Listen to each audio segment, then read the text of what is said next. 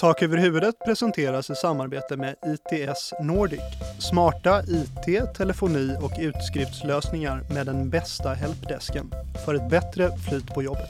Man ska inte räkna med fortsatta prisökningar forever utan det är jätteviktigt att man som konsument ser till att man har lite marginal kvar i sin plånbok och eh, eh kan ta höjd för det den dagen som räntorna till exempel kommer att stiga man avskyr förluster mer till och med än man älskar vinster.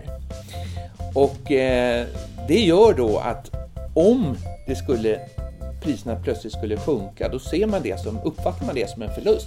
Trots att man kanske har, har eh, tjänat en massa pengar från det man köpt, en gång köpte det för. Det är faktiskt inte helt ovanligt att, att de uppgifterna som förs in i objektsbeskrivningen kan leda till tvist. Dels mellan säljare och köpare naturligtvis och sam, samma anda kan det också leda till tvist mot mäklaren. Tak över huvudet, tak, tak över huvudet, tak över huvudet,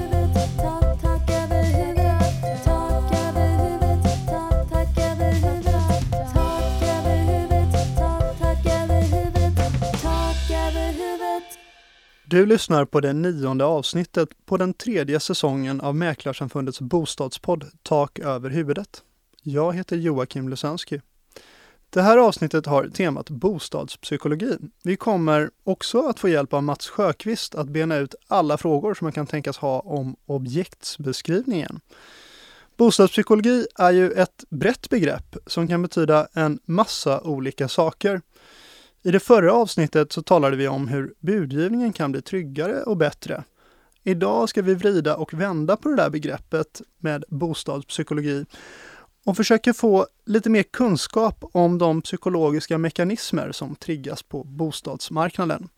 Till vår hjälp för det så har vi bland annat Rickard Wahlund som är forskare i ekonomisk psykologi vid Handelshögskolan i Stockholm. Mer om detta snart, men innan dess så ska vi växla några ord med Mäklarsamfundets VD Ingrid Eiken Holmgren. Ingrid, hur är läget? Jo men tackar, det är bra. Eh, kul att så många fortsätter att lyssna på podden tycker jag och det är extra roligt när ni som lyssnar faktiskt kommer med frågor och synpunkter, inspel och idéer och så. Fortsätt göra det och gärna i våra digitala kanaler. Eh, tak över huvudet finns på Facebook, eh, Twitter och Instagram. Hashtaggen är hashtag tak över huvudet. Vad tänker du på när du hör begreppet bostadspsykologi?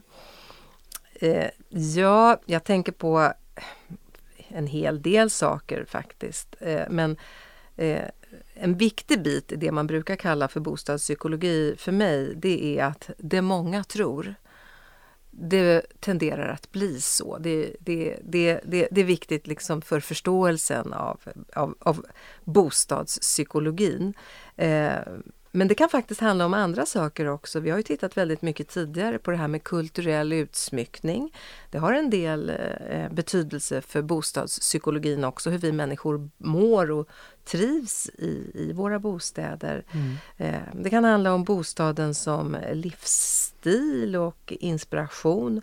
Men det är klart att det kan också handla om olika mm, taktiker och strategier vid budgivning. Ja, men det, jag tänker det också att det, det, kan ju handla om köpbeteenden och hur det faktiskt funkar när vi fattar beslut och inte minst hur man marknadsför en bostad. Mm, mm, och det är spännande. Och alla som någon gång köpt eller sålt en bostad kan ju säkert relatera till det. En annan sak som också har med psykologi att göra det är ju våra förväntningar på prisutvecklingen. Och under de senaste åren så har vi sett helt exceptionella, får man ändå säga, prisökningar. Eh, och då tänker jag att det kanske är så att många börjar tänka att det här, det kommer vara för alltid. Mm, så, så kanske det är och tittar man till exempel på boprisindikatorn så indikerar ju den fortfarande att väldigt många tror på fortsatta prisökningar och det påverkar konsumenterna också att tro att det faktiskt kommer att, bli så. Men ingen marknad fungerar ju så att det alltid bara går åt ett håll. Marknader går upp och ner och ibland så står de stilla. Och och eh, det är klart att de senaste åren har vi haft oerhört gynnsamma förutsättningar för att låna kombinerat med ett lågt utbud och stor efterfrågan.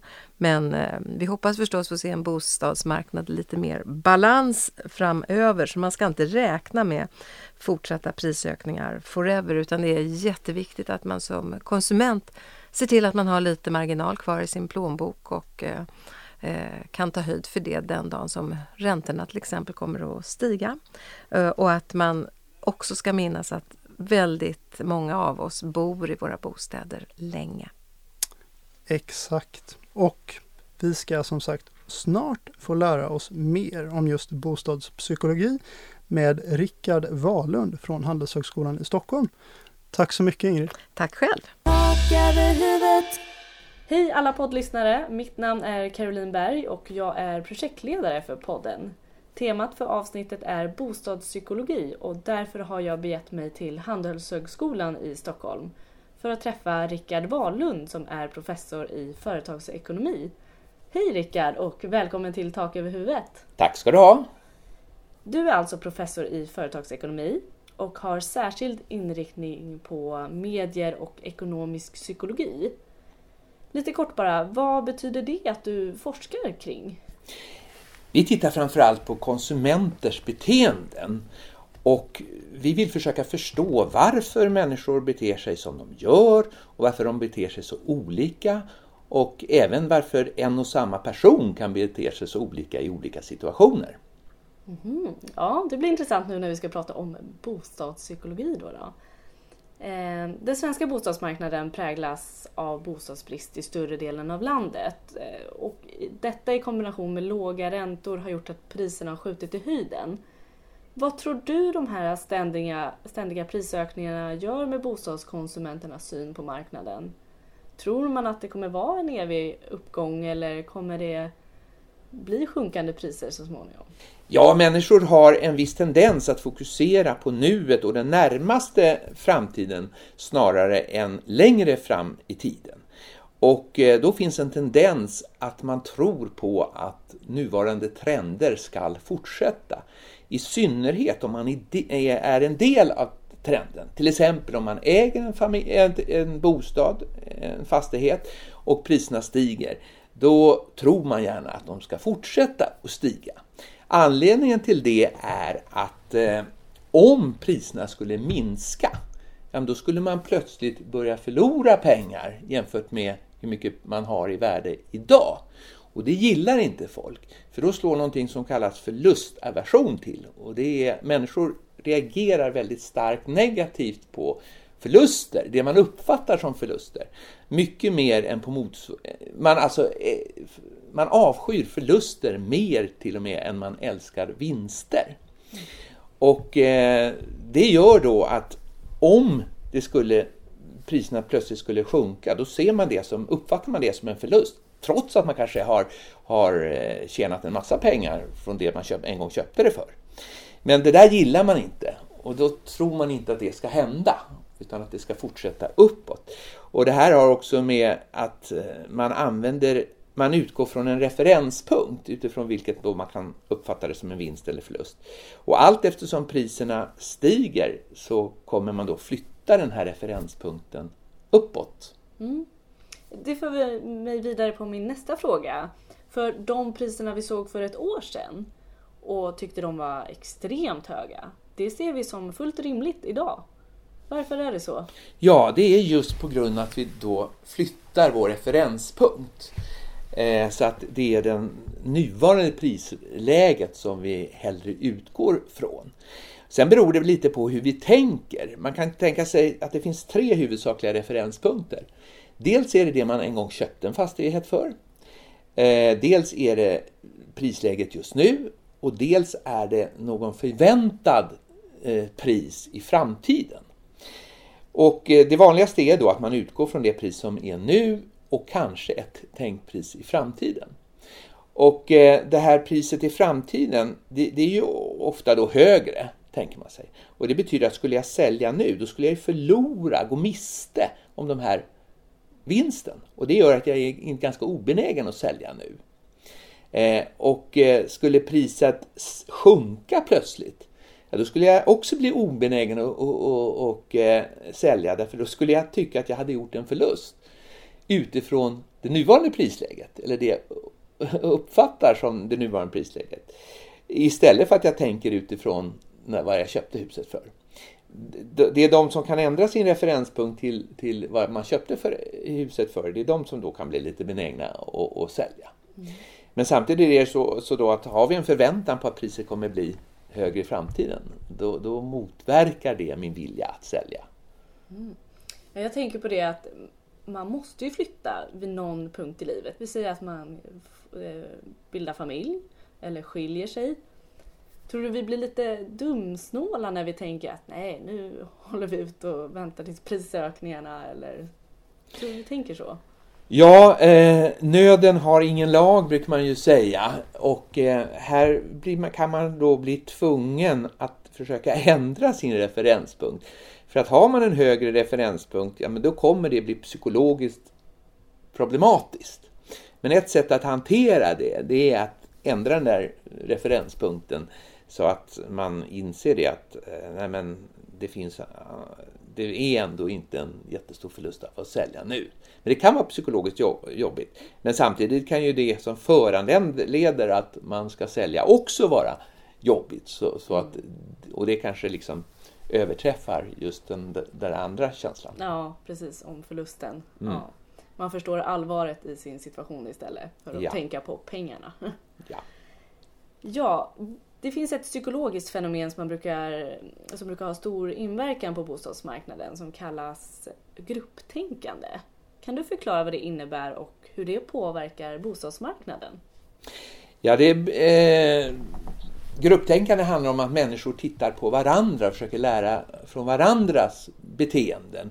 Och det är ju, den prisstegringen på bostäder är ju ganska påtaglig varför det ofta blir ett diskussionsämne i sociala sammanhang.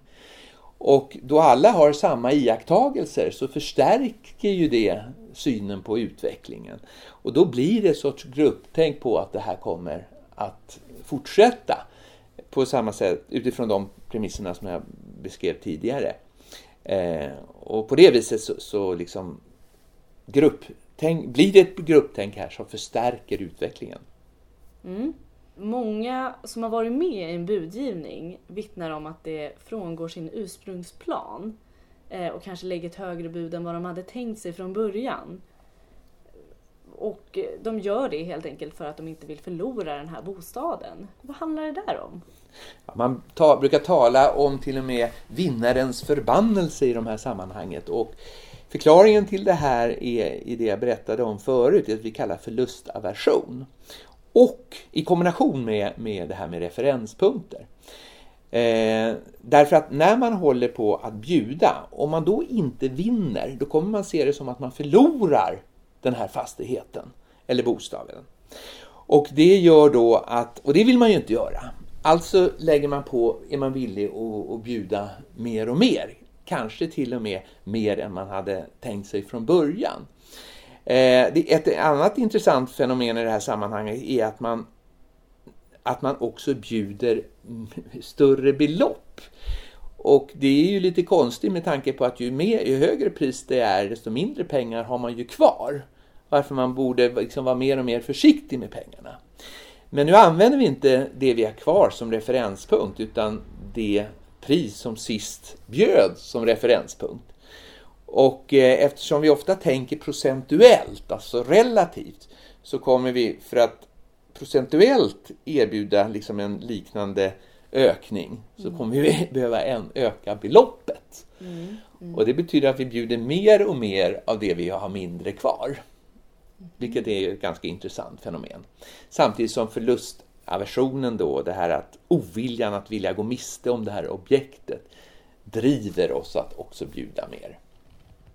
Och det där har man till och med sett i professionella sammanhang, till exempel när man bjuder på gruvrättigheter eller eh, telefon, telefonkontrakt och såna här saker. Så att eh, det förekommer också i den, på den professionella företagsmarknaden. Mhm, Ja. Eh, jag tänker ur säljarens perspektiv. De kan, de kan ju bli besvikna på slutpriset ibland. Trots att de blivit miljonärer på kuppen eftersom de har siktat in sig på ett ännu högre pris eh, än vad de fick. Och de har höga förväntningar helt enkelt. Varför har vi så höga förväntningar? Ja, samtidigt som vi avskyr förluster så älskar vi vinster, även om kanske inte lika mycket. Eh, men det gör att vi gärna vill tjäna så mycket pengar som möjligt. Och det gör att vi, vi sätter då en ganska hög referenspunkt. Och allting som går under den, ja men det kommer vi uppleva då som en förlust. Men den höga referenspunkten som vi har är ju ofta, eller som vi har som säljare, är ju ofta då högre än den som köparen har. Det är därför eh, köparen kanske inte är lika intresserad av att betala lika mycket som vi vill ha. Mm. Intressant det här med bostadspsykologi helt enkelt. Eh, tack så mycket för att du var med i podden Tak över huvudet. Tack själv! Bredvid mig här i skrubben, som vi kallar vår lilla studio, så har jag en av Mäklarsamfundets förbundsjurister. Ingen mindre än Mats Sjöqvist. Mats ska hjälpa oss att bena ut, ja faktiskt det mesta som man kan behöva veta om objektsbeskrivningar. Välkommen till Tak över huvudet Mats! Ja, tack! Tack! Kul att vara här i skrubben. Jag tänker att vi börjar med det allra mest grundläggande. Vad är en objektsbeskrivning och varför behövs den? Ja, eh, varför, varför behövs en objektsbeskrivning? Det är ju ett lagkrav sedan lång tid tillbaks eh, från lagstiftaren. Det har väl varit lite historiskt tidigare lite si och så med redovisningen från mäklarnas sida och eh, 1984 med vetligen så kom ett krav på att man skulle sammanställa skriftlig information om om det som förmedlades och eh, det där har ju hängt i sig och eh, har ju utvecklats i praxis och sen senaste lagstiftningen 2011 så har det ju skett vissa förändringar om vad som ska komma och vad den ska innehålla. Så att eh, man kan väl säga så här, det är en ganska diger kalender av, av, av uppgifter som måste med. Och det är väl syftet med det här är väl att diskutera kanske inte i detalj alla uppgifter som måste med men att man kanske som fastighetsmäklare måste faktiskt lägga lite tid på de här uppgifterna och kanske också beakta en del uppgifter som kanske inte bör komma med av flera skäl. Men vi kanske ska börja i det då, för min nästa fråga det var egentligen om det finns något som måste finnas med i objektsbeskrivningen enligt lag och det gör det ju alldeles uppenbarligen. Eh, men finns det någonting som inte hör hemma där om vi vänder på det? Ja, alltså man kan ju säga att det finns väl en del uppgifter som man kanske ska vara, vara väldigt aktsam med och det är ju sådana här saker som man som fastighetsmäklare inte behöver ha med och som man dels inte heller kan gå i god för. Va? Så det gäller ju rent allmänt rätt mycket uppgifter som, som kan föras in som leder till tvister mellan parterna. Det är väl syftet med att jag ställer upp och är med på det här är ju att försöka undvika att, att det blir mer tvister än vad det blir. Det är faktiskt inte helt ov ovanligt att, att de uppgifterna som förs in i objektsbeskrivningen kan leda till tvist. Dels mellan säljare och köpare naturligtvis och sam, samma anda kan det också leda till tvist mot mäklaren. Så att det, det är ju inte speciellt bra att föra in uppgifter som man inte behöver och som kanske inte heller kan verifieras på, på det sättet som är önskvärt. Ska vi försöka, bara för att göra det tydligt för alla våra lyssnare, eh, ta ett exempel från verkligheten? Ja, alltså det, det, det, det, kan man väl säga att det finns många extrema fall som man har lagt på märken genom åren. Men ett av de större som jag hickade till med var ju en lägenhet i Stockholms innerstad där man hade från mäklarens sida skrivit uttryckligen att det fanns en takhöjd i lägenheten som var 3,60. Det är en ganska specifik angiven uppgift som man ska kunna ta till godo. Eh, och i slutändan mm. så visade det väl sen efter att köparen hade tillträtt att det här taket var ju inte så högt. Det var ju ett sänkt tak i vissa delar av lägenheten som innebar att man helt enkelt påfordrade ersättning av säljaren motsvarande kubikmeter helt plötsligt. Mm. Så man mätte upp lägenheten i kubikmeter och så att det fattades ett antal kubikmeter och det skulle man ha en viss ersättning för. Och då kan man ju säga att, att uh, uppgiften 3,60 är ju inte obligatorisk. Takhöjden är ingen obligatorisk uh, angiven uh, inget krav på det och i det här fallet så hade ju mäklaren skrivit 3,60 och det är säkert så att mäklaren har fått det från säljaren men mm. kanske borde ha sett själv yrkesmässigt att det var sänkt i vissa delar av lägenheten. Och då hade man kunnat använda sig av ett begrepp som heter rymlig takhöjd till exempel. Va? Något mindre specifikt än det man gjorde i det här fallet. Och överhuvudtaget kanske överväga att avstå från takhöjden eftersom det inte är en obligatorisk uppgift. Det här leder ju då till tvist mellan säljare och köpare. Det kostar väl ett par hundratusen för den som förlorar den här tvisten. Nyckeln här är någonstans att väga sina ord på guldvåg, det hör jag. Och vi ska faktiskt eh, komma till det lite längre fram. Men jag vill fånga upp någonting som du sa där. Eh, nämligen att i det här specifika fallet då så hade förmodligen mäklaren fått de här uppgifterna från säljaren. Och det leder oss in på någonting ganska intressant. För det är inte mäklarens roll och ansvar att vara någon detektiv i de här sammanhangen. Utan mycket av det som står i objektsbeskrivningen det är ju sådant som kommer från säljaren och från föreningen, eller hur? Ja, när det gäller fastigheter kan det ju vara från fastighetsregistret också. Så att eh, det är klart att det är en blandning av officiella uppgifter som man kan säga tyvärr inte alltid stämmer. Eh, men, eh, men det krävs ju som sagt var inte att en mäklare ska vara polis i det här hänseendet utan man ska kunna utgå från de, de uppgifterna man får. Och många gånger är det ju naturligtvis säljarens uppgifter, så så är det. Mm. Och, det i sig innebär inte att eh, man behöver dubbelkolla de här uppgifterna som huvudregel. Och det kan man ju tycka vad man vill om, men det är ju så lagstiftarna sagt att kraven ska vara. Och det kanske är en eh, relativt vettig nivå att ha det på eftersom det ändå är köparen som ska undersöka det man köper. Det är ju inte mäklaren som undersöker ja. det. Så att I slutändan så är det nog en rätt rimlig avvägning. Men jag, jag kan ju se framför mig att att det är många kunder som tror att mäklaren gör dubbelkontroller på de här uppgifterna och det kan ju då leda ytterligare till tvister så att ja. säga. Eh, så är det. Men det är väl någonting som som sakta men säkert börjar gå fram till i alla fall de advokaterna som pysslar med det här. Att man i första hand bråkar med säljaren då. Som har sagt de här uppgifterna. För många mm. mäklare idag jobbar ju med att man får godkännande av OBX-beskrivningarna. Det finns ju dock ett, ett någon slags mörkertal på de här förmedlingarna där säljaren kanske inte är så jättemedveten om vad man säljer. Det kan ju vara personer som inte har bott i lägenheten. Det kan vara personer som har ärvt lägenheten eller som, som inte har någon relation till fastigheten. Och eh, man kan många gånger som professionell försöka hjälpa kunden på traven med att ge uppgifter som man så att säga godtyckligt godkänner och det är mm. också ett problem i sig.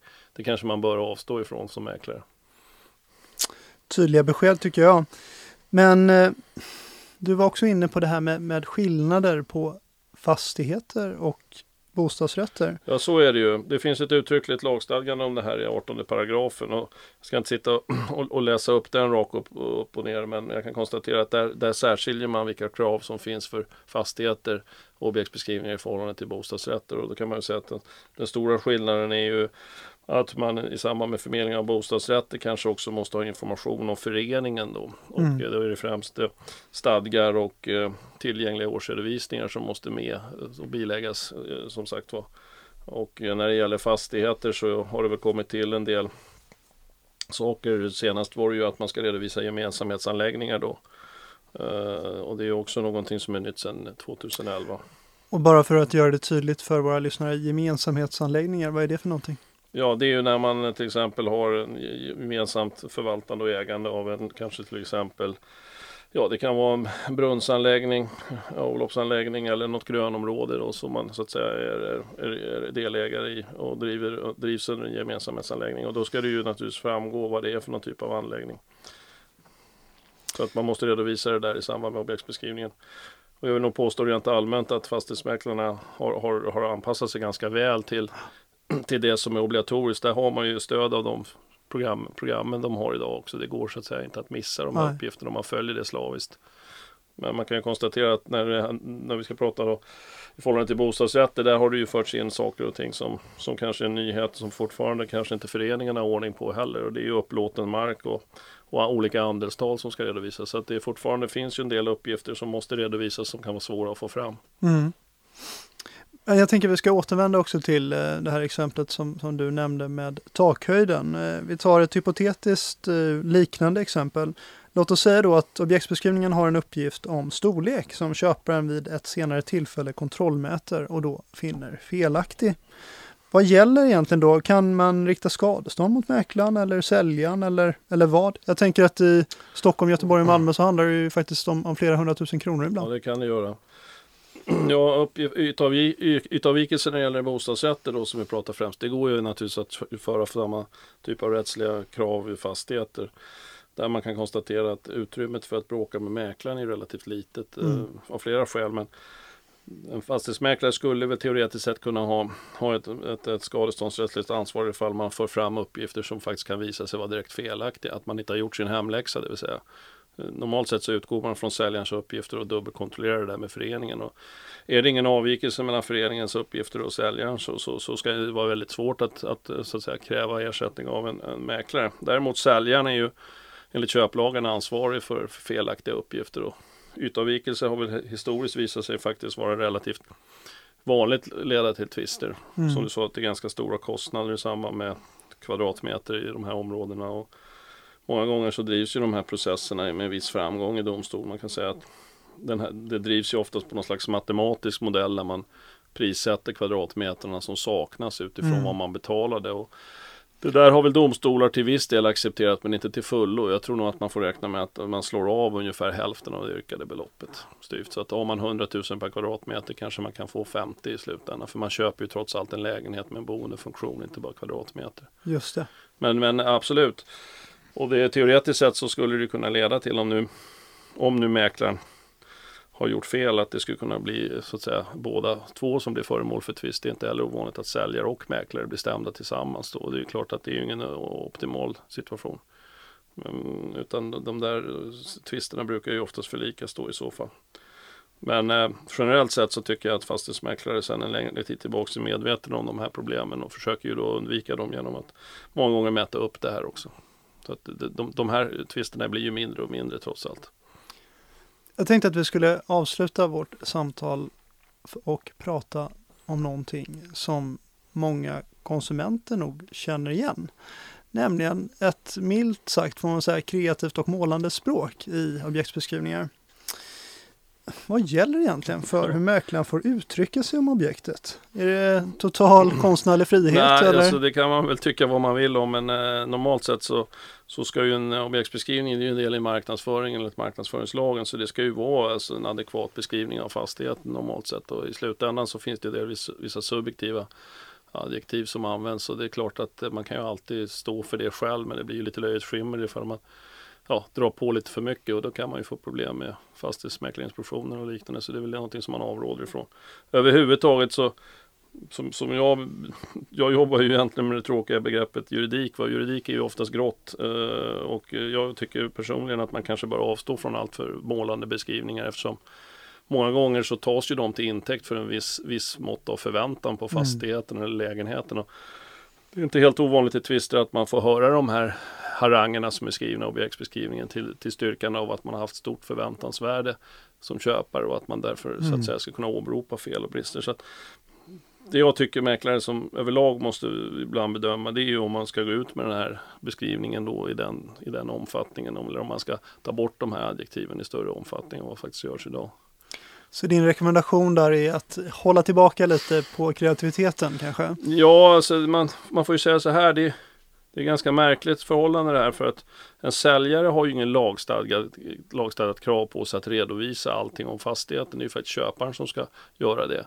Och sen så har vi en lagstiftning så att om den säljaren anlitar en fastighetsmäklare så har mäklaren en skyldighet att ge en beskrivning som sen kan binda säljaren för eventuella åtaganden. Så att det blir ju väldigt konstigt system att vi har det här. Men nu är det så och eh, jag kan konstatera att eh, det man måste som fastighetsmäklare göra det är faktiskt att fundera lite på om man ska sätta dit mer än vad man behöver. Det kanske låter tråkigt och konstnärligt men, men är, som jurist så är man ju den här fyr, fyrkantig och jag tycker väl kanske att det många gånger skulle det vara enklare att faktiskt bara redovisa det som måste och låta tankarna och fantasin flöda hos köparna istället. Det där låter vi vara sista ordet. Stort tack Mats Sjöqvist för att du kom hit och redde ut det där ja. med objektsbeskrivningar. Okej, okay, tack så mycket. Tak över huvudet presenteras tillsammans med ITS Nordic och klipps och produceras av Diggin Larry. Projektledare är Caroline Berg och foto och avsnittsbild har Karina Vikaby ordnat. Och jag, jag heter Joakim Blesensky. Tak över huvudet